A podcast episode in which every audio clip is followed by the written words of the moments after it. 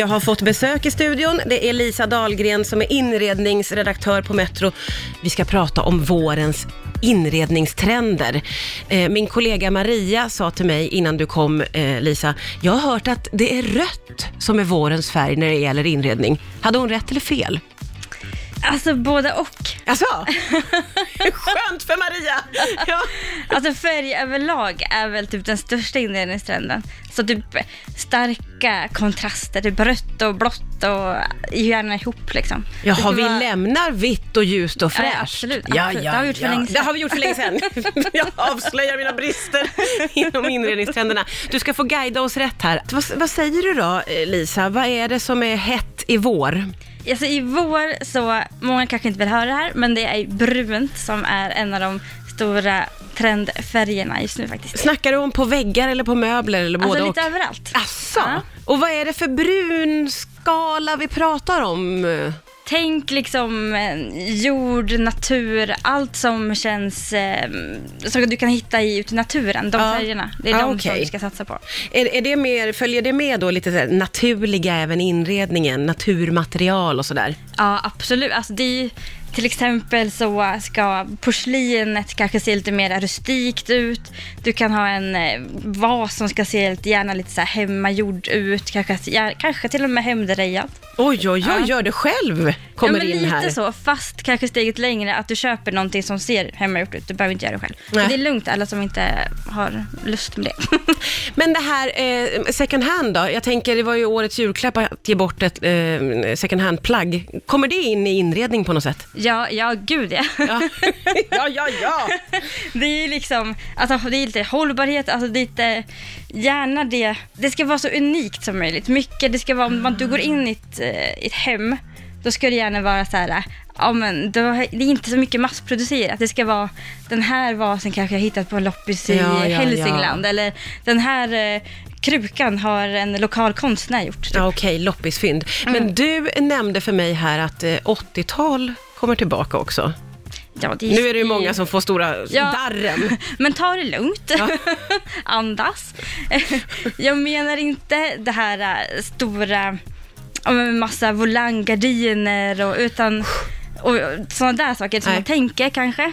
Utan det är de här detaljerna. Det kanske är en porslins eh, geopard eller en... Eh, mycket porslin, alltså blankt Okej. porslin.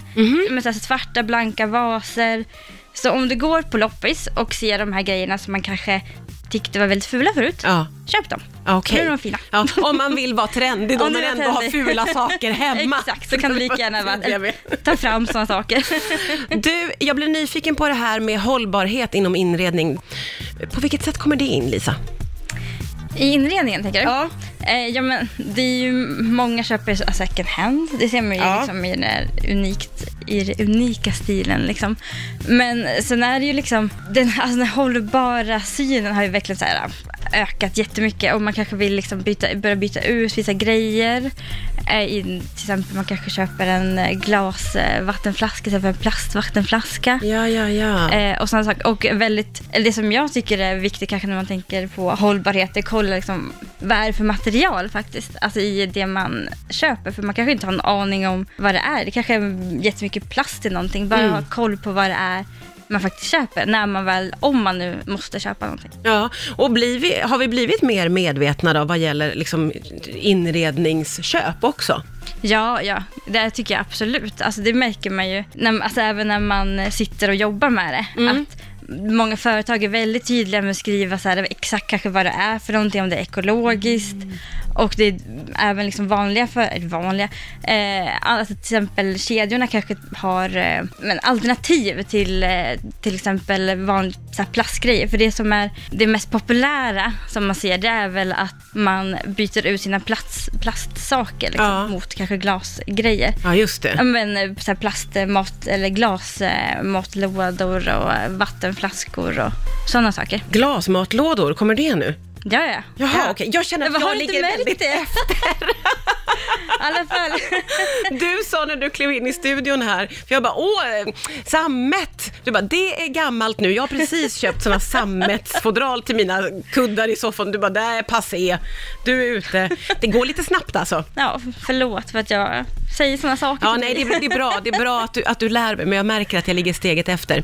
Ja, men om vi sammanfattar då, så till våren, om man vill hänga med, Mm. så är det brunt, natur, 80-tal och att ha ett hållbarhetstänk som Ja, gäller verkligen. även i inredningen. Ja, absolut. Tusen tack eh, Lisa Dahlgren för att du kom till mig idag.